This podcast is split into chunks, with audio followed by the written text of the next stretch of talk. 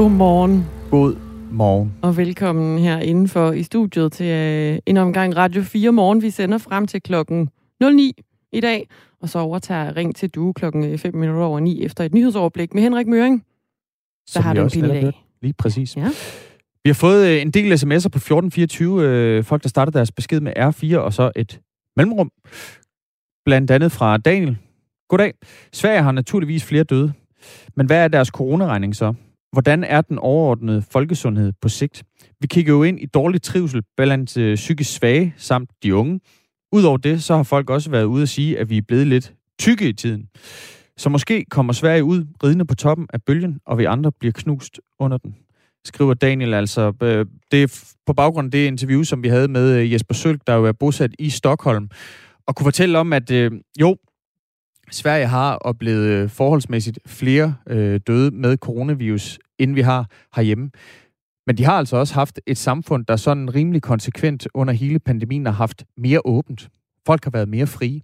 De har kunne gøre flere ting. De har ikke været underlagt de samme restriktioner. Og det er jo en... Øh, der har jo været et andet forhold til, øh, altså til både restriktioner, men også den personlige frihed i, i Sverige, end vi har oplevet herhjemme.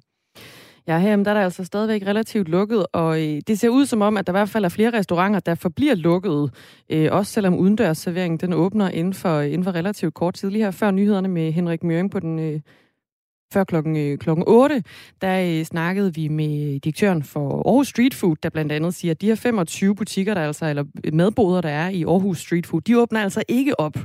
Øh, og det er der også kommet nogle sms'er på. Der er blandt andet øh, Lars, der skriver ind, at han synes, de skal holde lukket. Det er jo noget, de selv bestemmer, og så lad andre åbne, som er mere positive. Og... Nå, ja, undskyld, jeg vil simpelthen bare skyde ind med Grøn Koncert, som vi jo også talte med ja. tidligere.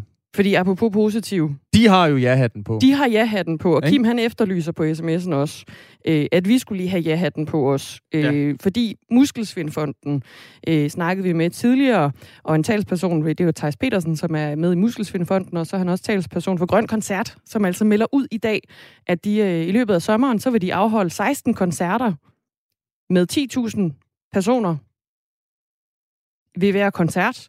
Og de her 10.000 personer ved hver koncert skal så deles op i sektioner af 1.000 personer. Så det bliver sådan øh, 1.000, person, 1.000 øh, personer i små festivaler. Det bliver sådan 10 øh, sideløbende med hinanden. 10 små øh, grupper på på 1000 mennesker, hvor man små, ikke? Men, øh... hvor man så ikke så, øh, kommer til at interagere med øh, de andre, ikke? Altså Ja. selvfølgelig med de, øh, de 999 personer, man så er i øh, isolation med under, under koncerten. I der. koncertgruppe med, ja.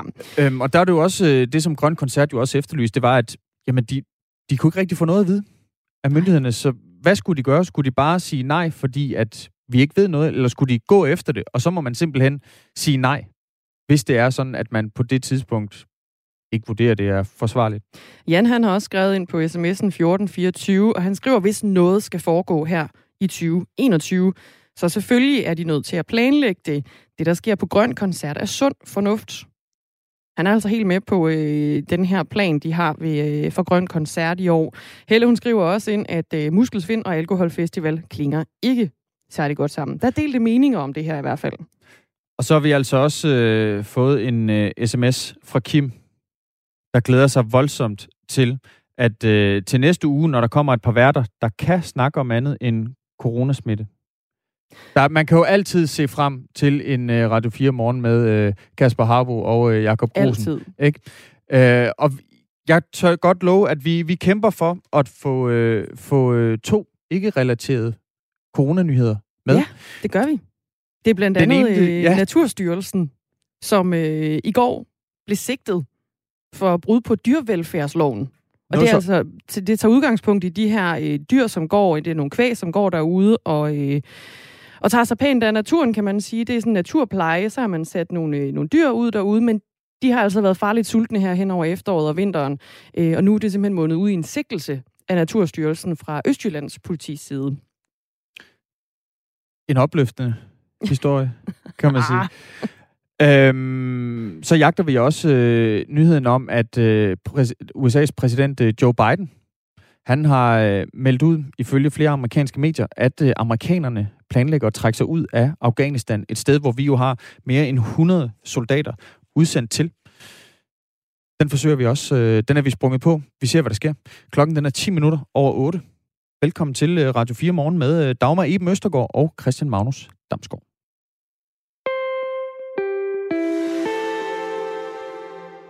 Mandag der blev Hedeager Sogn i Herning Kommune ramt af automatisk nedlukning på grund af for høje smittetal. Midtjyllands Kristne Friskole i Herning blev derfor bedt om at lukke ned, fordi den ligger i netop Hedeager Sogn. Men der er ingen smittet på skolen. Så nu spørger skoleleder på Midtjyllands Kristne Friskole, hvorfor skal vi lukke? Og det er dig, Torkel Bjergård. Godmorgen. Ja, godmorgen, godmorgen. Du er skoleleder på Midtjyllands Kristne Friskole i, i Herning. Hvilken, ja, be- hvilken begrundelse har I fået til, at I skal lukke ned? Jamen, øh, jamen øh, vi har nærmest øh, ja, vi har fået den begrundelse, at der er mange øh, smittede, eller smittetal, der det er særlig højt i det her sovn, som vi slet ikke vidste, vi var en del af. Øh, så, så det øh, er begrundelsen. Så øh, ja, vi har nærmest bare lige fået en påbud om, at I lukker bare ned i morgen øh, med, med, med 12 timers varsel. Så, så vi er egentlig dybt deprimeret, næsten, som jeg kalder det, og, og, og I lyder næsten alt for glade derinde her for morgenen af, fordi vi går faktisk her, eller jeg går rundt her på en tom skole, og er rimelig ked af det, fordi øh, jeg synes, vi har kæmpet hårdt, øh, og vi har fået lært eleverne. Vi har 480 elever på skolen her, spritte af og vaske hænder og holde afstand osv. osv. Og så dem, der betaler prisen, fordi alt muligt andet, det skal ikke lukke ned her. Øh, men, men eleverne skal bare hjem. Og det ord, som jeg hører oftest i, i, i de her timer, det er ordet latterligt. Altså, mm. man kan simpelthen ikke forstå det hvis vi kunne forstå, at det virkelig gjorde en forskel, øh, at, det, at det er det, der skulle til, øh, så gjorde vi det gerne. Men jeg synes ikke, at vi kan få begrundelsen. Og når vi ringer til øh, øh STUK, øh, ministeriet, for at få retningslinjen for, hvad er nødpasning, jamen så får vi øh, forskellige svar på, hvad det er, vi skal gøre. Øh, og så, så bliver det svært, og så bliver det også svært, at, at folk de bevarer motivationen for, at det her det skal fortsætte, fordi det er nogle store omkostninger og, øh, øh, og dem betaler vi gerne, hvis vi kunne se meningen med det. Men det er lidt svært at se, at, at vi bare lige skal lukke ned på den her måde, og så har vi en nabofolkskole 400 meter herfra, øh, som, som øh, har langt flere elever på det her sovn, end vi har. Øh, de skal ikke lukke ned. Mm. Altså, logikken er helt væk. Men, men, men, men det er også i orden, hvis der er nogle eksperter, der kan forklare, at det, det, det, det giver god mening, det her. Men det lys har jeg ikke set. Nu ved jeg ikke, om, øh, om du har lyttet med, uh, Torkild Bjergård, altså skoleleder ja. på Midtjyllands Kristne Friskole i, i Herning. Øh, lyttet med her ja. på Radio 4 tidligere på morgen, hvor vi havde Allan Randrup Thomsen med. Han er uh, professor Nej. i eksperimentel biologi på Københavns Universitet og sidder også i regeringens referencegruppe. Han kunne okay, ikke, nej, det hørte jeg faktisk ikke. Nej. Han, han kan heller ikke se meningen med det. Nå, men det, han er en klog mand, så, så ham lærte jeg bare bag. Jamen, hvad, hvad tænker du om det, når, når også eksperter går ud og kritiserer den her automatiske nedlukning? Jamen, ja, det er næsten ikke til at bære. Altså, jeg bliver simpelthen så ked af det og træt af det, øh, øh, fordi øh, øh det, er vores elever fra 0. til 10. klasse, som, som sidder derhjemme nu og lider under os, øh, og ikke må være sammen i et fællesskab, at de skal øh, udsættes for, at, øh, at, ja, at nogle politiske stuehandler, hvad det handler om, øh, hvor der ikke er en mening med tingene, det, det gør mig deprimeret og ærgerligt og træt af det. Mm. Nu fortæller du, at det er, det er 480 elever, I har på ja, den, her, ja, ja, den her friskole ja. i, Herning. Ja, hvad, ja. hvad gør I for ligesom at hjælpe dem, når nu de er, er hjemmesendt? Hvad kan I gøre? Hvilke muligheder har I? Jamen, det, det, det er der, vi øh, også er lidt øh, øh, famlende. Fordi øh, sidste gang, vi var hjemsendt, der begyndte der sådan være retningslinjer for, at øh, det var også forældre, der måske var på arbejde, som ikke kunne klare andet. Når vi ringer i går for at få helt klare retningslinjer for, hvem er egentlig øh, de elever, vi skal tage os af, der får vi første omgang at vide, jamen det er de, kun de særligt sårbare elever. Og det er ikke øh, forældre, øh, øh der har et, et, et, et, et, et arbejde, der er vigtigt at komme på. Dem skal vi ikke tage os af. Det måtte vi godt sidste gang. Ringer vi så lidt senere, så får vi et andet svar. Så, så, så, så man var heller ikke helt klar til at svare på, øh, øh hvilke elever det egentlig er, er, vi skal tage os af i nødpasning. Men altså, øh, øh, det er, så vidt vi kan se, så er det de sårbare, det er de sårbare elever, og ikke så meget øh, de forældre, der har et særligt øh, vigtigt arbejde. Så, så der er vi havnet i dag, men det bliver spændende de kommende dage at se, hvordan den gruppe udvider sig. Fordi hvis vi går ud og siger, jamen hvis forældrene de har et vigtigt arbejde, så må de, deres børn gerne komme i nødpasning, jamen så kommer alle børn jo tilbage. Altså, så er vi jo lige vidt. Mm. Fordi de, forældrene, de forstår ikke det her.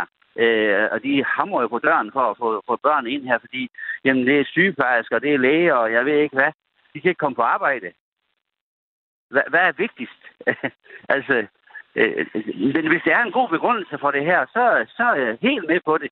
Men det glæder mig til at høre, eller om, om man, kan jo være i tvivl om, der er nogen, der har den begrundelse. Hmm. Hvad tænker du om, at øh, jeres skole har skulle lukke ned, uden at der er konstateret et eneste corona-smittetilfælde? Jamen, jeg synes jo, jeg synes jo, det er mærkeligt. Men altså, selvfølgelig ligger vi, øh, hvis, hvis, hvis alle naboerne, de har det, øh, så skal vi da passe på. Øh, men, men, men jeg synes jo, det er mærkeligt. Også fordi det er simpelthen demotiverende for vores elever, at øh, nu har vi gjort alt, hvad vi kan, og vi har ingen smitte. Vi synes jo, vi har passet på et eller andet sted. Og så har vi ingen smitte, og så skal vi bare lukke ned. Og så vores nabo øh, folkeskole skal ikke lukke ned, øh, fordi de tilfældigvis ligger på den anden side af en zonegrænse, som vi aldrig har vidst, der lå øh, der imellem os. Øh, så så øh, jamen, altså, vi er et stort spørgsmålstegn. Øh, lad os se, hvad der sker. Vi må se, hvad der sker. Tak fordi du var ja, med i hvert fald. Tænker, det, kan, det kan da ikke fortsætte. Altså, altså, det, det, det, det, må, det må laves om, det her. Det, det, altså, eller også så må der komme nogle, nogle, nogle forklaringer, som vi ikke har set. Det glæder jeg mig til at høre. Vi må se, om der kommer nogen. Torkild Bjergård, ja. altså skoleleder på Midtjyllands Kristne Friskole i Herning. Tak fordi du var med. Ja. Tak selv da. Det er godt. Hej. Hej hej.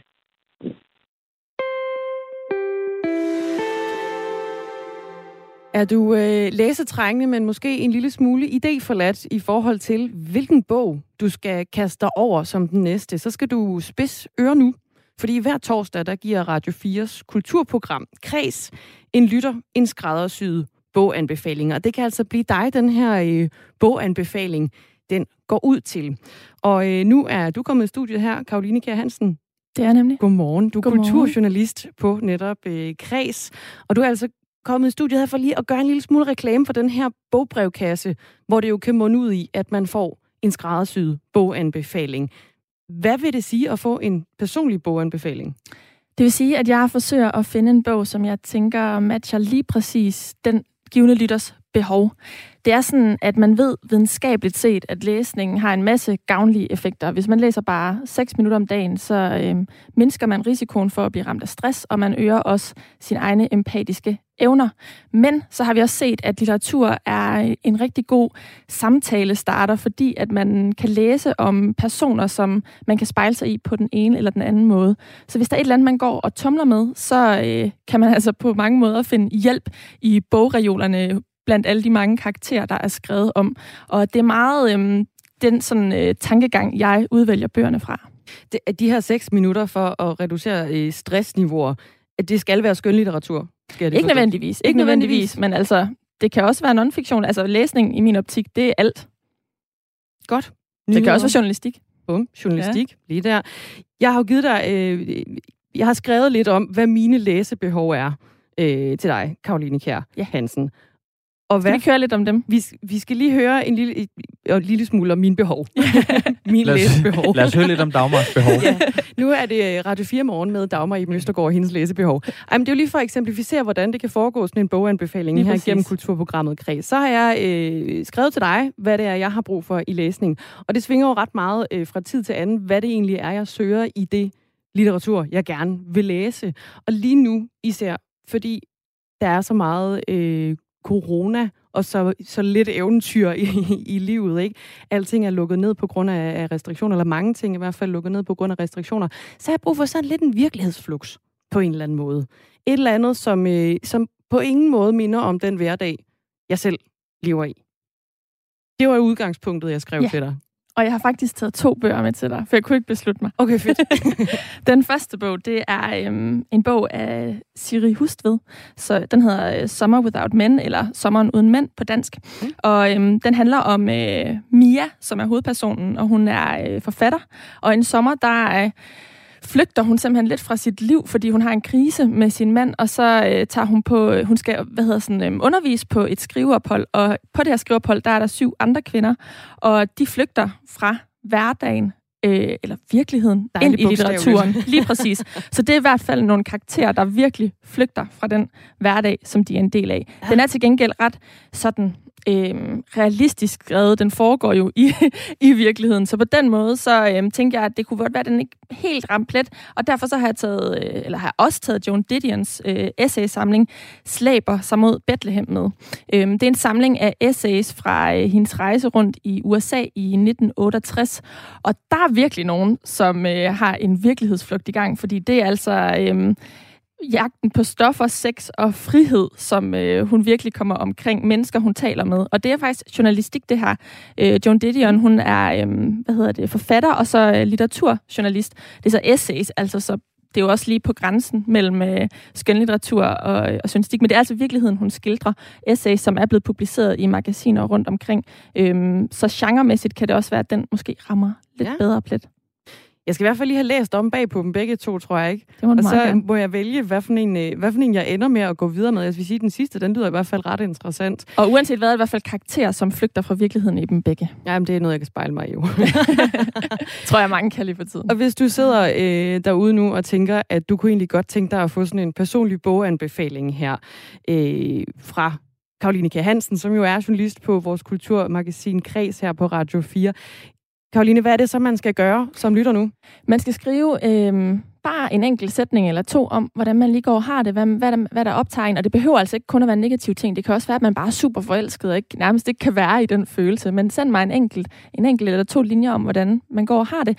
Også gerne lidt om, hvad man egentlig godt kan lide at læse ellers. Øhm, og det kan man gøre enten ved at sende på sms'en nu, 1424, start beskeden med R4, eller send mig en mail på øh, kreds-radio4.dk, og det er altså k r a e s radio4.dk. Så og det er ikke særlig meget, man skal skrive. Jeg skal nok øh, kunne øh, navigere i det alligevel. Jamen, det er simpelthen strålende. Tusind tak for det, Karoline G. Hansen, og tak for anbefalingerne. Selv tak. Jeg kigger på dem. Journalist på Kulturprogrammet Kreds her på øh, Radio 4, og hvis man nu har lyst til at høre Kreds og lytte med på Kulturprogrammet, så sender I altså alle hverdage mellem kl. 14 og 15. Det gør vi nemlig. Også i dag. Også i dag. 8.22.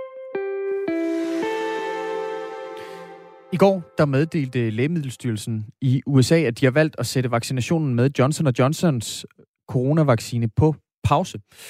Og på samme tid så har vaccinefabrikanten altså valgt at udskyde udrulningen af coronavaccinen i Europa.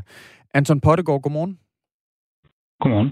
Du er professor i farmakoepidemiologi ved Syddansk Universitet. Beslutningen af USA's øh, lægemiddelstyrelse, den sker altså efter seks sjældne tilfælde af blodpropper blandt de knap 7 millioner, som har fået vaccinen. En af de her seks kvinder, som har været udsat for det sjældne tilfælde, for et sjældent tilfælde af, af blodpropper, er død. En anden er i kritisk tilstand. Er det her det rigtige at gøre, Anton Pottegård? Ja, det vil jeg sådan set mene, det er. Ikke fordi, at en per million, eller 6 per 7 millioner, i sig selv er voldsomt bekymrende, men fordi det her minder lidt om starten på AstraZeneca-historien, hvor vi først så nogle få tilfælde, og da man stoppede op, så fandt man nogle, nogle flere, og fik sådan først senere rigtig styr på, hvad det var, der foregik.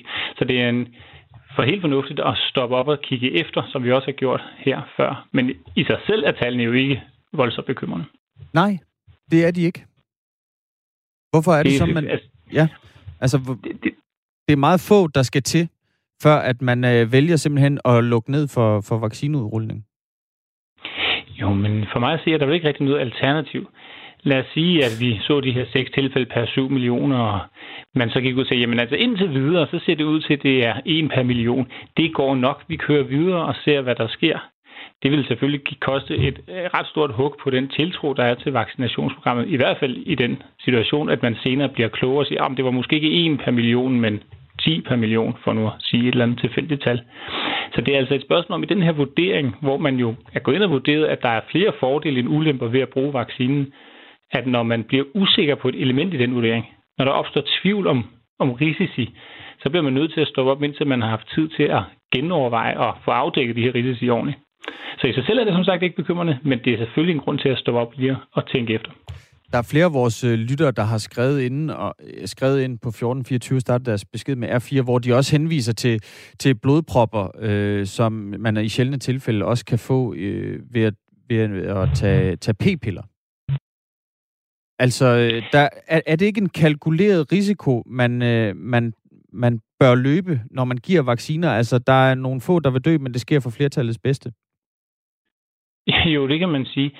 Øh, og hvis det var så simpelt på en eller anden måde, så, så var det måske fint. Men det er det selvfølgelig ikke.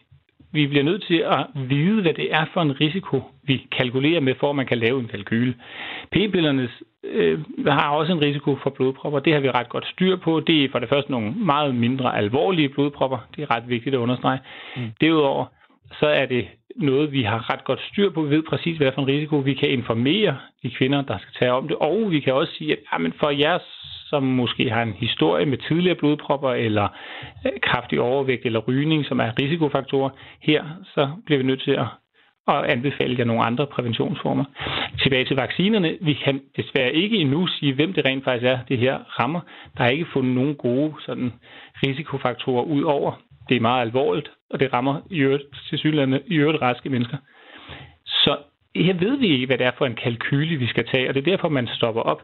Er det så det samme som, at man siger, at hvis man kan vise, at der er en lille risiko for sjældne blodpropper, så er den her vaccine naturligvis helt død. Den må tages ud af programmet. Mm. Nej, ikke nødvendigvis, men vi skal vide, hvad det er, vi har med at gøre, før vi kan lave det her regnestykke. En ting, som jeg også har bidt mærke i, det er, at det særligt øh, tilsyneladende virker til at være, være kvinder, der får de her alvorlige tilfælde med, med blodpropper. Ved vi noget om, hvorfor det lige er kvinderne? Nej, ikke umiddelbart. Ikke andet end, at vi, og nu bruger vi AstraZeneca som eksempel, der har vi primært i Danmark og mange andre lande vaccineret folk, som arbejder i sundhedssektoren. Og det er der altså flere kvinder, der gør. Så i det, vi har set for AstraZeneca, hvor der også er flere kvinder, der er det altså ikke, fordi der er for mange kvinder i forhold til, hvad vi skulle forvente det er følge sådan set meget fint dem, vi har vaccineret. At de her seks tilfælde så øh, indtil videre, så vidt jeg ved, kun er set blandt kvinder, kan forklare sig forskellige ting. Det kan også være, at der er flest kvinder, der er vaccineret. Og derudover så er det jo ikke sikkert, at det her det er forårsaget af vaccinen, og der er en lille overhyppighed blandt øh, den, af den her sjældne blodpropform blandt kvinder til at begynde med.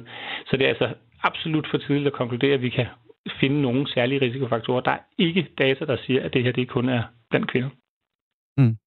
Okay. I Norge der har myndighederne vurderet, at øh, suspenderingen af både AstraZeneca-vaccinen og øh, Johnson Johnson-vaccinen, det vil forsinke den norske vaccineudrulning med næsten tre måneder. Vi ved jo ikke øh, rigtigt, hvad det kommer til at betyde for vaccineudrulningen herhjemme, men det, det er jo sandsynligt, at den vil blive forsinket jo flere vacciner, der ligesom bliver suspenderet eller, eller sat på pause. Øhm, står risikoen ved de her vacciner af det, vi ved indtil nu, mål med, at vi eventuelt bliver sat øh, tre måneder tilbage i udrulningen af vacciner? Ja, der er jo det lidt syrede tilfælde, at effekten af vacciner afhænger af, hvilket land man er i. Det lyder sådan lidt åndssvagt, det er jo den samme vaccine. Men gevinsten ved at bruge vaccinerne afhænger jo af, hvad for en situation man er i i det enkelte land gevinsten ved at bruge den er enormt stor. Hvis du står i et land, hvor der er et presset sundhedsvæsen, en brændende tredje bølge, du har ikke rigtig andre vacciner til rådighed, og det hele er ved at gå op i hat og briller, og folk følger ikke længere restriktionerne.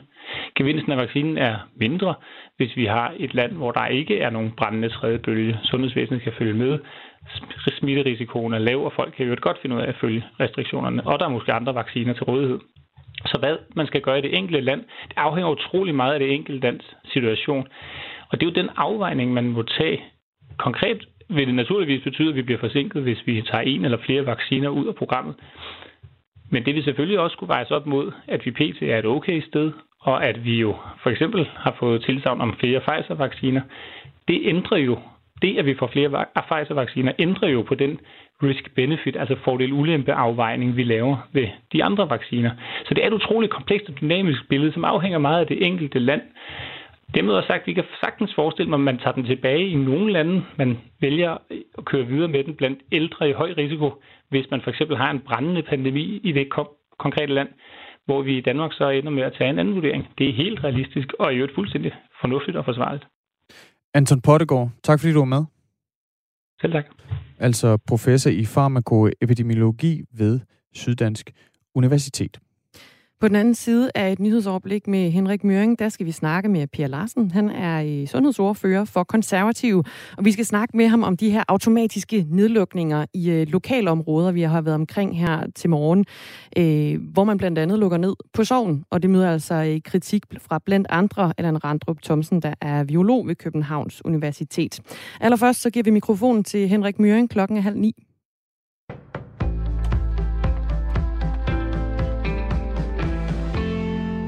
Et politisk flertal vil droppe coronapas ved udendørsservering. Blå Blok, Enhedslisten og de radikale mener alligevel ikke, at der er fornuft i at indføre krav om, at kunderne skal vise et gyldigt coronapas. Det oplyser partierne til DR. Det er ellers en del af aftalen for genåbningen. Her blev skrevet ind, at der kunne åbnes for udendørsservering fra den 21. april, hvis kunderne kunne fremvise et gyldigt coronapas. Det har fået kritik fra mange restauratører, som ikke vil kontrollere kunderne. For eksempel Aarhus Street Food, som er en sammenslutning af 25 madboder. Direktør Britt Vore siger til Radio 4 Morgen. Vi anerkender jo, at, at vi skal have noget aktivitet ud af samfundet, eller det gør jeg, øh, for at komme den her øh, pandemi til livs. Øh, men det er svært for vores branche at se, hvorfor at der er så mange restriktioner, der pålægges os, når man andre steder i samfundet kan færdes frit, uden at skal vise nogen form for, for coronapas eller, eller andet. Lederne af Folketingets partier og partiernes sundhedsordfører skal kl. 11.30 drøfte vaccinationsplanen med sundhedsminister Magnus Heunicke. Det sker efter, at det amerikanske firma Johnson Johnson i går meddelte, at man udskyder udrulningen af sin coronavaccine i Europa på grund af bekymringer om bivirkninger. Det er blandt andet meget sjældne tilfælde af blodpropper hos vaccinerede, der har ført til beslutningen. Samme billede har man set med vaccinen fra AstraZeneca, som derfor er sat i bero herhjemme. Johnson Johnson-vaccinen er en hjørnesten i det danske vaccinationsprogram. Der er bestilt 8,2 millioner doser af vaccinen, som kun kræver et stik. De konservative sundhedsordfører Per Larsen håber, at der bliver skabt åbenhed om, hvad det betyder, hvis vaccinen fra Johnson Johnson ikke kan bruges, det siger han til TV2. Ligesom man nu har i Norge, de her holdt jo pressemøde i går, så jeg, og kunne helt eksakt sige, at hvis det er sådan, at Johnson Johnson den udbliver, så, så kommer det til at forrykke den norske vaccinationsplan med tre måneder. Sundhedsmyndighederne har hjemme og i EU er gået i gang med at undersøge lægemidlet. Grøn Koncert annoncerer 16 koncerter til sommer, det siger indsamlingschef i Muskelsvindsfonden Thijs Petersen, der sammen med Tuborg står bag Grøn Koncert. Det gør vi og tror vi på, fordi vi i mere end 8 måneder nu har arbejdet på en plan, der gør, at vi øh, mener, at man sigt og trygt kan gå til en grøn koncert til sommer. Øh, selvfølgelig en plan, der er udviklet og skal udvikles i tæt samarbejde med både myndigheder og hvad der ellers måtte være af behov for at indrette sig, som man skal. Grøn udvider i år fra 8 til 16 koncertdage og kommer forbi ni byer med to-tre koncertdage i flere af dem. Det skal gøre det muligt at samle op mod 160.000 koncertgæster i alt, med omkring 10.000 gæster per koncert. Ved hver koncert bliver publikum inddelt i sektioner, der kan skaleres op og ned efter myndighedernes anbefalinger. Tyskere under 60 år, der har fået det første stik med AstraZenecas coronavaccine, skal færdigvaccineres med en anden vaccine. Det er landenes nationale og regionale sundhedsminister blevet enige om. Tyskland annoncerede den 30. marts, at landet ikke længere vil tilbyde folk under 60 år at få to stik med vaccinen fra AstraZeneca. Årsagen var bekymringer for en mulig forbindelse til flere sjældne tilfælde af blodpropper. I stedet vil de pågældende personer nu blive tilbudt at blive færdigvaccineret med enten Pfizer-BioNTechs eller Modernas vaccine, skriver DPA. En del sol, men i eftermiddag lokale byer, 6-9 grader og svag til jævn vind omkring nord.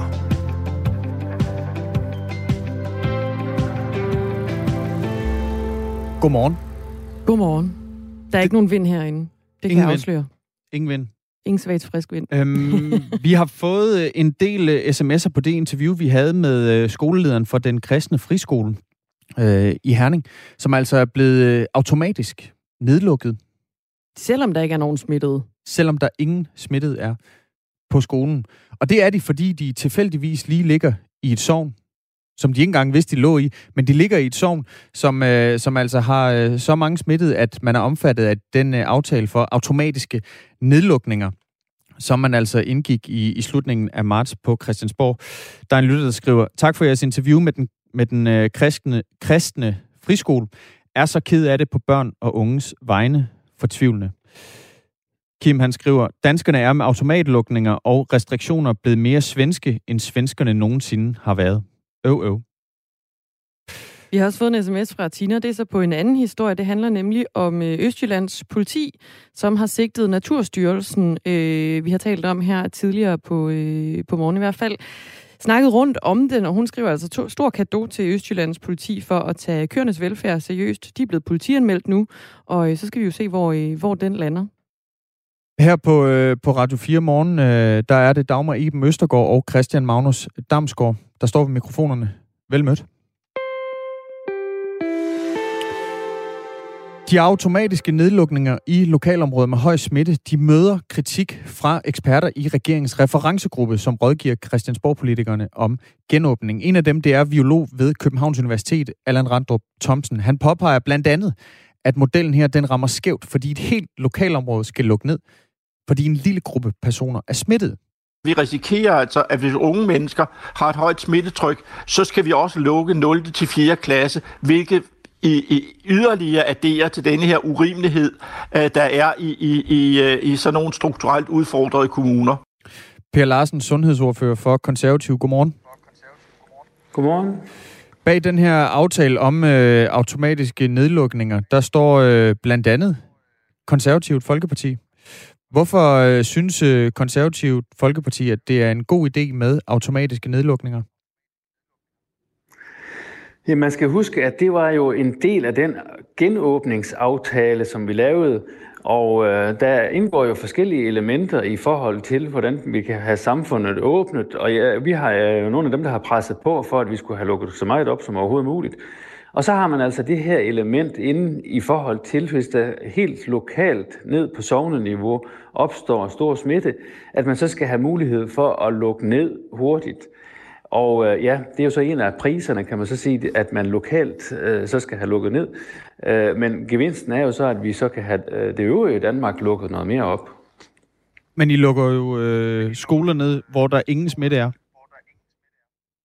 Ja, og det kan sagtens øh, være, at øh, der er sådan nogle, nogle ting der, som er urimelige. Og derfor er min tilgang også til det, at nu er det jo øh, nyt det her med, at vi lukker ned sådan øh, bombastisk, øh, helt lokalt. Og hvis det er sådan, at reglerne de er for rigide, så må man jo tage det op til overvejelse igen. Men altså formålet med det er jo at sikre, at der ikke kommer lokale smitteudbrud, som man har set i, øh, på sovneniveau, for eksempel i Voldsmose, som så kan smitte, øh, eller som så kan udbrede sig til resten af kommunen eller større egne. Så det er jo simpelthen for at, at håndtere det helt øh, lokalt, uden at det skal have store konsekvenser for, for andre egne. Jamen, nu nævner du selv øh, Voldsmose, hvor der også har været stor smittespredning, men konsekvensen af, at de vil have mulighed for, at, det skal, at man automatisk skal kunne lukke ned på sådan en hyperlokalt niveau, det er jo blandt andet, at øh, den kristne friskole i Herning øh, skal, er blevet lukket ned, og det blev den fra i mandag, så det, det fortæller skoleleder Torkel Bjergård lidt om her. Hvis, hvis alle naboerne de har det, øh, så skal vi da passe på, men jeg synes jo, det er mærkeligt, også fordi det er simpelthen demotiverende for vores elever, at øh, nu har vi gjort alt, hvad vi kan, og vi har ingen smitte. Vi synes jo, vi har passet på et eller andet sted, og så har vi ingen smitte, og så skal vi bare lukke ned, og så vores nabo øh, folkeskole skal ikke lukke ned, øh, fordi de tilfældigvis ligger på den anden side af en zonegrænse, som vi aldrig har vidst, der lå øh, der imellem os. Øh, så så øh, jamen, altså, øh, vi er et stort spørgsmålstegn. Vi er et stort spørgsmålstegn, lyder det fra Torkild Bjergård, som altså er skoleleder på øh, Midtjyllands Kristne Friskole i Herning. Per Larsen, øh, sundhedsordfører for Konservativ, kan du ikke øh, hjælpe med at gøre Torkild Bjergård lidt klogere på, hvorfor det er, at hans skole skal lukke ned, bare fordi tilfældigvis ligger et sovn, hvor, der, hvor man er over øh, det antal smittede, som I har besluttet jer for, der skal være for at lukke ned? Jamen, det kan være ganske vanskeligt at forstå lige i det helt specifikke tilfælde, og det kan jeg da kun beklage, at, at der er sådan nogle situationer. Men vi skal jo bare huske på, at øh, vi har jo stadigvæk altså, skolebørn i hele Danmark, som ikke kommer tilstrækkeligt meget i skole. Og der presser vi altså på for, at alle danske skolebørn de kan komme i skole, øh, simpelthen øh, øh, ved at, at, at holde smittetallene nede. Og der er de her lokale nedlukninger, det er altså et redskab til at sikre sig, at vi kan blive ved med at have lave smittetal i hele Danmark generelt set, sådan så at vi hurtigere kan få alle skolebørn øh, til at få en, en, en skolehverdag, dag, som de fortjener. Hvordan får vi øh, lavere smittetal af, at vi beder en skole, hvor der ingen smittet er, om at lukke ned? Nej, men det har du fuldstændig ret i, og, og der kan man da godt sige, at den regel den er lige rigid nok, men vi skal bare huske på, at vi har jo altså øh, enkelte områder i, i, i Danmark, hvor smittetallet fortsat er høj. Jeg behøver bare at nævne Ishøj. Vi har jo store problemer stadigvæk i Voldsmose, og sådan er det andre steder. Og der er man altså nødt til at skal kunne lukke ned. At det så kan være en, en skævert øh, et eller andet sted, det er selvfølgelig beklageligt for dem, det går ud over, men det er altså en begrænset gruppe. Men jeg er klar på at se på det igen, hvis det er sådan, at, vi, øh, at, at det bliver for rigid. Det er jo en ny regel, som netop er trådt i kraft, og, og den skal jo, vi lige se, hvordan den, den udvikler sig. Pil. Men Øh, men, men øh, vi kigger på det igen, hvis det er. Per Larsen, sundhedsordfører for konservativ. Du nævner høje smittetal. Øh, jeg sidder her på Statens Serum Instituts hjemmeside. De seneste 24 timer, der var der 563 bekræftede tilfælde af coronavirus. Der er lige nu under 200 personer indlagt med coronavirus. Hvad er det for nogle øh, høje smittetal, der gør, at, øh, at en øh, friskole, som ligger i Herning, hvor der ingen Øh, smittet er, altså på den friskole her. Hvad er det gode argument for, at de børn, de ikke skal have lov til at komme i skole? Jamen uden jeg lige kender den konkrete sag, så er det jo sådan, at når det er et sovn, så er, der, er incidenstallet over 400, før man skrider til den der øh, nedlukning. Så i området er der jo altså et højt smittetal, som man skal sikre ikke udvikler sig til at sprede sig til, til det øvrige område. Og hvis ikke man laver den her nedlukning, så risikerer man jo, at øh, de børn på den skole, der de også bliver smittet. Så man er nødt til at sige, at når vi har smittetal, incidenstal på over 400, så skal der altså gribes ind. Det er også sådan, at kommunerne forud for det her, fordi kommunerne kan jo godt følge tallene helt ned på sovneniveau, de har altså også mulighed for at, at, øh, sætte nogle restriktioner ind for at dæmpe det her, sådan så man ikke havner i den her situation. Og det er jo det, der er meningen med det hele, det er jo, at man ude lokalt skal sikre, at smittetallene de ikke kommer for højt op, sådan så at vi kan blive ved med at, at, at genåbne Danmark mere og mere generelt set. Men der er vel ikke noget godt argument for, at en friskole i Herning skal holde lukket, når der ingen smittet er? Altså hvis det, hvis det er sådan, at man skal slå hyper lokalt ned og lukke ned der, hvor smitten er, hvorfor skal det så også omfatte en skole, hvor der er 400 elever, hvor der ikke er konstateret et eneste smittetilfælde? Jamen, det er jo altså så prisen i forhold til den aftale, man har lavet om at lukke Danmark noget mere op. Altså alternativet var jo, at man ikke ville have åbnet så meget, og så ville det jo så have haft konsekvenser i hele Danmark.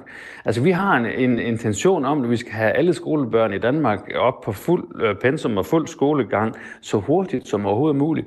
Og det betinger jo altså, at vi har nogle, nogle lave øh, smittetal generelt set, og der er det her et redskab til at holde det nede. Øh, og, og, og det er det, der er at sige til det, det er, at vi, kan, vi har jo kunne se, hvordan sådan øh, øh, små øh, sovende øh, udbrud, de har kunne sprede sig. Og det er det, vi har set i Voldsmose, og det er det, man ser andre steder. Og det skal altså håndteres øh, lokalt, og, og, og så skal resten af samfundet have lov til at være åbent. Øh, og, og det skal ikke have en konsekvens for hele Danmark, at der er et enkelt sted, hvor der er høje smittetal.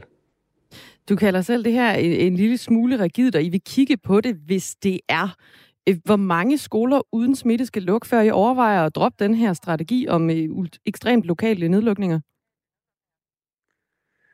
Jamen, altså, nu kan det jo, øh, hvis man tester alle eleverne på den der skole der, så kunne det jo være, at, at, at man fandt en, det skal jeg ikke kunne sige, men, men vi er bare nødt til at sige, altså, at øh, vi er nede på sovneniveau.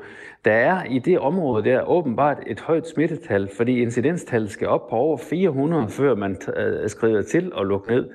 Og, og, og det er man altså bare nødt til at kende, så sige, et incidenstal på 400, det er altså ekstremt højt, og det, det skal man tage alvorligt, fordi at risikoen er jo til stede for, at det spreder sig øh, til resten af kommunen. Og det er man nødt til at håndtere.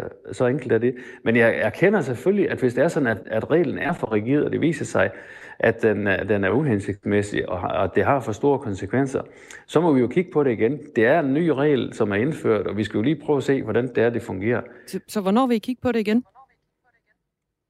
Jamen, det synes jeg, vi bør gøre nu, når at vi lige får lidt, uh, lidt tilbagemeldinger og lidt erfaringer med det. Og det her, det viser jo selvfølgelig, at, at der kan være et problem, som, som vi skal have belyst lidt nærmere.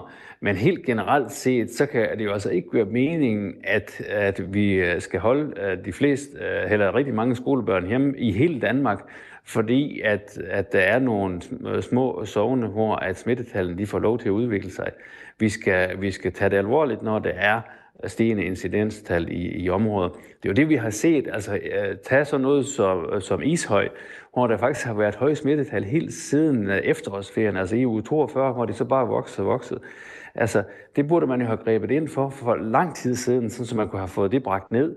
Og, og det, det har man ikke uh, håndteret tilstrækkeligt. Og det er jo sådan noget, der ligger til grund for, at vi skal undgå, at der kommer nogle lignende situationer. Alright. Tak fordi du var med, Per Larsen. Selv tak. Altså sundhedsordfører for konservativt Folkeparti. Vi har også forsøgt at få Socialdemokratiets sundhedsordfører Rasmus Horn Langhoff med, men han er altså ikke vendt tilbage i talende stund. 846.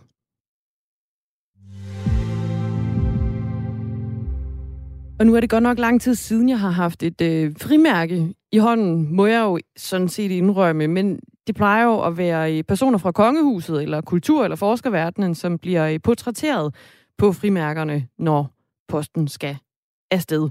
Men øh, nu er der kommet øh, nye ansigter på, eller det gør der i hvert fald. Det er fem hverdagshelte, og øh, en af ansigterne, det er dit, Leif Fremke. Godmorgen.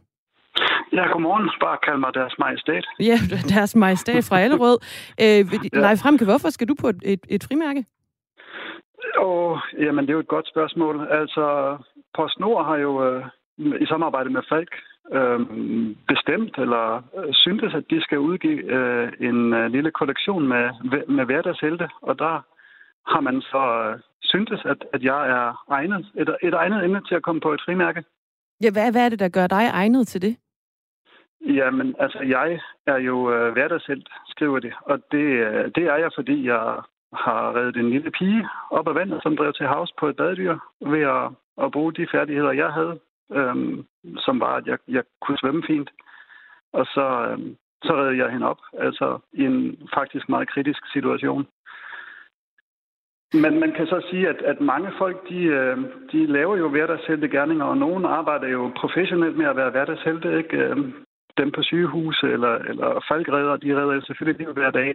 Så det er et godt spørgsmål, hvorfor lige præcis jeg skal på.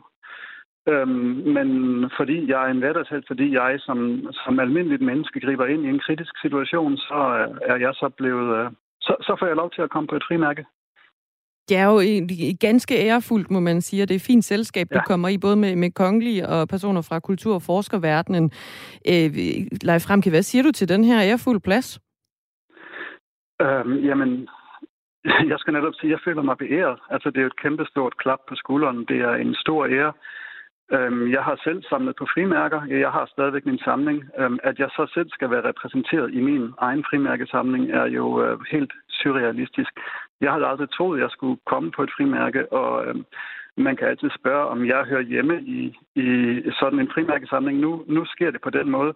Og jeg synes ikke, at jeg selv som person øh, måske øh, skal repræsenteres på et frimærke, men jeg synes det, at man, man griber ind og, og gør en stor forskel øh, øhm, for andre, Øhm, at, at den ting, jeg har været så heldig at, at kunne gøre den sommerdag, øhm, jamen det, det er jo med til at, at sætte lys på, at vi, vi skal passe på hinanden og, og være der for hinanden.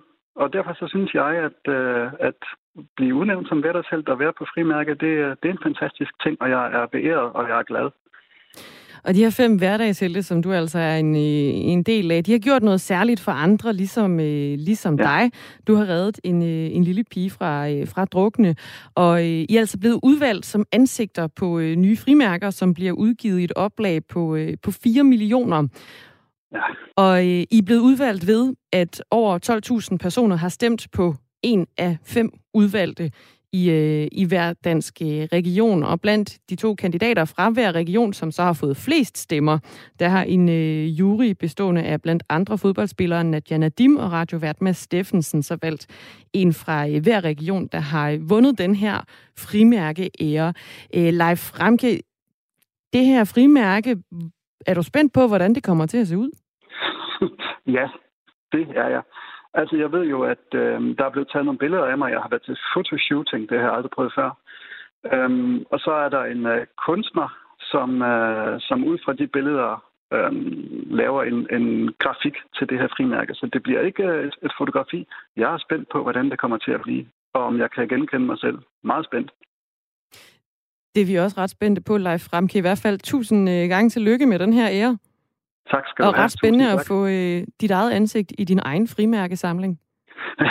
ja, jeg samler jo ikke så meget mere, men, men ja, det er, det, det er spændende og, og sjovt og anderledes. Lige en udvidelse med et enkelt frimærke. Leif Ramke ja. fra Allerød, altså hverdagshelt og øh, snart portrætteret på øh, de danske frimærker. Tusind tak. Selv tusind tak. Hej. Hej.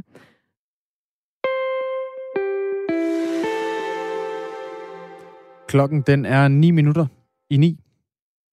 Og senere i dag, der fremlægger den amerikanske præsident Joe Biden sine planer for, hvornår og hvordan USA's styrker skal trække sig ud af Afghanistan. Ambitionen er, at de amerikanske soldater senest skal være ude af landet den 11. september i år. Jo altså ikke en helt tilfældig dato. Det markerer jo også øh, 20-året for terrorangrebet på, på World Trade Center, som jo var øh, anledning til, at amerikanerne gik i krig i Afghanistan. Øh, og det er altså en nyhed, som øh, blandt andet Washington Post har i dag. Peter Viggo Jacobsen, godmorgen. Godmorgen. Lektor ved Forsvarsakademiet. Inden Trump han forlod præsidentembedet i januar i år, der erklærede han jo, at USA skulle halvere antallet af soldater i Afghanistan, så der blot var 2500 tilbage i landet. Nu vil Biden så have de sidste soldater hjem. Hvorfor er det en kernesag for Joe Biden at gøre det? Det er fordi, han har præcis samme politik, som øh, Donald Trump havde. Han vil gerne have amerikanske soldater ud af krige, hvor det ikke længere giver nogen mening, at de er til stede. Så han følger sådan set bare den samme øh, linje, som Trump gjorde. Han har bare skubbet øh, tilbagetrækningen lidt, så den først skal ske øh, på den dato, som du netop øh, sagde. Altså inden den dato, som du sagde, nemlig 11. september i år. Hvorfor giver det ikke mening, at amerikanerne er til stede i øh, USA? Eller slutrøvligt i USA, I der er de jo markant til stede, ikke op, men i Afghanistan? Jamen det gør det jo ikke, fordi at amerikanerne er ikke i stand til at påvirke øh, situationen over. De kan ikke øh, påvirke den øh, regering, de støtter politisk, og de har heller ikke øh, haft nogen fremgang på, på slagmarken med hensyn til med amerikansk støtte at kunne, øh, hvad det hedder, øh, nedkæmpe øh, Taliban på slagmarken. Og derfor så har amerikanerne gjort op med sig selv, at de ikke kan gøre nogen positiv forskel, og nu har været der i 20 år, så er det spild af penge og ressourcer at være der. Så derfor trækker man sig ud, og så håber man på, at det kan lægge et pres på regeringen, så de begynder at være mere effektive, både politisk, men også militært. Det, at man så trækker sig ud uden at have nyt nogen øh, nævneværdig succes, er det så også en endelig markering af, at de her, det her 20-års krigsindsats i Afghanistan har været en fiasko? Man kan i hvert fald sige, at de, det, den, det, første, det første halvår i Afghanistan, hvor man fik nedkæmpet uh, Taliban og fjernet al-Qaida og deres træningslejre og hele deres infrastruktur, det var en, enorm succes. Det gik meget hurtigere og bedre, end man havde troet. Så blev man pludselig ambitiøs og ville til at gøre øh, Afghanistan til en velfungerende stat med en central regering og demokrati og menneskerettigheder og biskoler og det hele.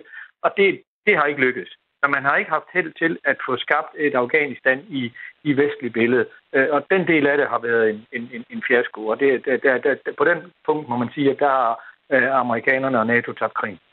Krigen i Afghanistan, den er altså blevet øh, døbt The Forever War, og den startede i 2001 og har nu stået på i længere tid end Vietnamkrigen. I 2011, der var der altså mere end 100.000 amerikanske soldater i Afghanistan, og siden der er antallet af amerikanske soldater i landet så aftaget markant. Øh, man har løbende trukket flere øh, soldater hjem. Målet for de mange soldater har blandt andet været at nedkæmpe Taliban, for eksempel ved at styrke de afghanske sikkerhedsstyrker og gøre dem i stand til at nedkæmpe Taliban selvstændigt en opgave, som danske soldater jo også har deltaget i, og det leder mig så frem til min næste spørgsmål, Peter Viggo Jacobsen, øh, lektor ved Forsvarsakademiet. Hvad kommer det her til at betyde for den danske indsats i Afghanistan? Den er slut 11. september i år, og der har amerikanerne glædet, at de trækker sig ud, og der kommer ikke til at være danske eller andre NATO-soldater i Afghanistan, når der ikke længere er amerikanere. Den eneste grund til, at NATO står i Afghanistan, det er hensyn til USA, og hensyn til sammenholdet i alliancen. Og når amerikanerne ikke er der, så er vi der heller ikke. Så det markerer også afslutningen på den danske militære tilstedeværelse i Afghanistan. Og hvad, hvad er det så for en øh, situation, vi. Øh, vi har jo øh, blandt andet, der er jo også øh, afskillige danske soldater, der er faldet under krigen i, i Afghanistan. Hvilken forskel har det gjort vores indsats, amerikanernes indsats, hvilken forskel har det gjort for afghanerne? De har mere infrastruktur, de har lavere børnedødelighed, der er sket en række tiltag, og der er også sket nogle ting på, øh, med hensyn til øh, kvinderrettigheder, som jeg, jeg, jeg synes, det er meget svært at se Taliban helt rulle tilbage igen. Med mindre Taliban rent faktisk er i stand til at generobre kontrollen over hele øh, Afghanistan. Og det, det, det synes ikke øh, sandsynligt lige på kort sigt, fordi selvom amerikanerne trækker deres soldater ud, så vil de stadigvæk fastholde en kapacitet, der kan bekæmpe terrorisme, det vil sige CIA-agenter rådgivere, det vil sige specialoperationsstyrker, det vil sige droner, og man vil også, øh, så vidt det er oplyst, stadigvæk blive ved med at yde økonomisk støtte til regeringen i Kabul. Og så må man se, om det er nok til, at det kan fremtvinge en forhandlingsløsning imellem Taliban øh, og, og regeringen i Kabul. Men i, i værste fald kan det jo betyde, at, at det hele ramler, og, og at vi får en, en grim borgerkrig der, dernede igen. Det, det kan ikke udelukkes. Så man, Men det, det, det, det, må, det må tiden vise. Så man efterlader altså nogle øh, specialoperationsstyrker, som du nævner her, og andre sådan små kontingenter, der kan operere i mindre skala?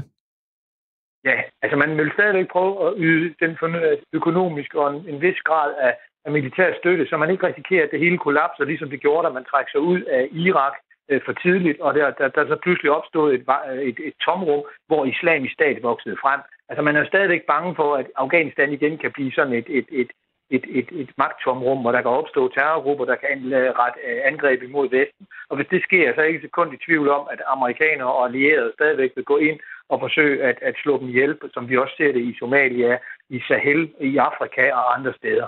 Så det her det er ikke det samme som, at amerikanerne ikke vil bruge militærmagt i Afghanistan, hvis de finder det nødvendigt af nationale interesser. Men de vil ikke bruge lige så mange penge på det, som de har gjort til dato.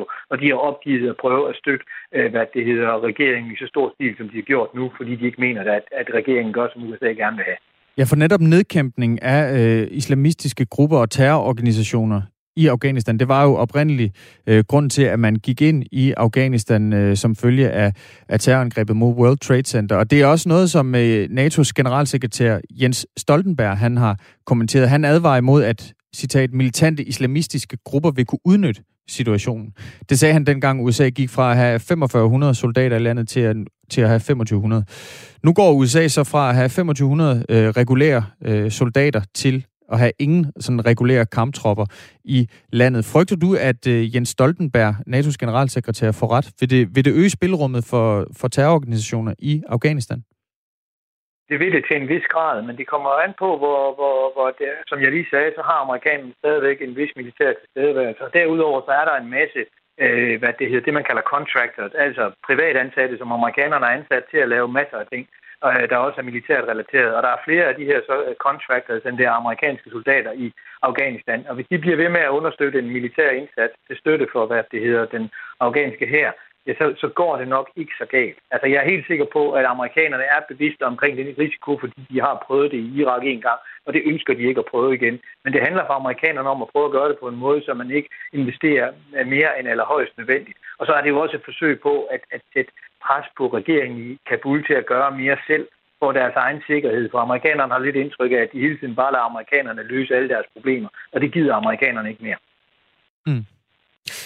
Nu fortæller du også, at, øh, at den danske indsats i Afghanistan dermed også øh, er kommet til vejs ende, og jeg ved, at det er et unfair spørgsmål at give dig med halvandet minut tilbage af, af programmet, men jeg gør det alligevel, Peter Viggo Jacobsen.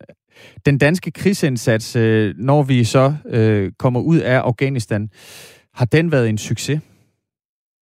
Den har været succes med hensyn til at vise, at vi bakker op om amerikanerne og støtter vores vigtigste allierede, der er garant for vores sikkerhed i Europa. Det har også været en succes med hensyn til at vise, at Danmark er et lojalt medlem af NATO, øh, og, og, og dermed støtter op om det, som alliancen beslutter i fællesskab. Men hvis du spørger mig, om det har været en succes med hensyn til at skabe demokrati og kvinderettigheder osv. i Afghanistan, og altså gøre Afghanistan til et markant bedre sted, der er, er trygt for deres borgere og deres naboer, ja, så svarer det jo desværre nej. Peter Viggo Jacobsen, tak fordi du var med. Selv tak. Altså lektor ved Forsvarsakademiet. På nyheden om, at øh, Joe Biden senere i dag vil annoncere en plan for at, øh, at USA trækker øh, de amerikanske styrker ud af Afghanistan. Og det skal altså ske inden den øh, 11. september, der jo samtidig markerer øh, 20-året for terrorangrebet på World Trade Center, der jo oprindeligt var årsagen til, at amerikanerne til at begynde med gik ind i Afghanistan. Det blev det sidste, vi nåede øh, i dag i Radio 4 morgen. Vi er tilbage igen i morgen tidlig klokken 6 minutter over, nej, 5 minutter over 6 hedder det. Jeg bytter rundt på tallene nu. 6, 5 minutter over 6 er vi tilbage igen i morgen tidlig torsdag morgen. Det her, det bliver, det bliver ordene fra øh, Christian Magnus Damsgaard og Dagmar Eben Østergaard og producer Katrine Volsing.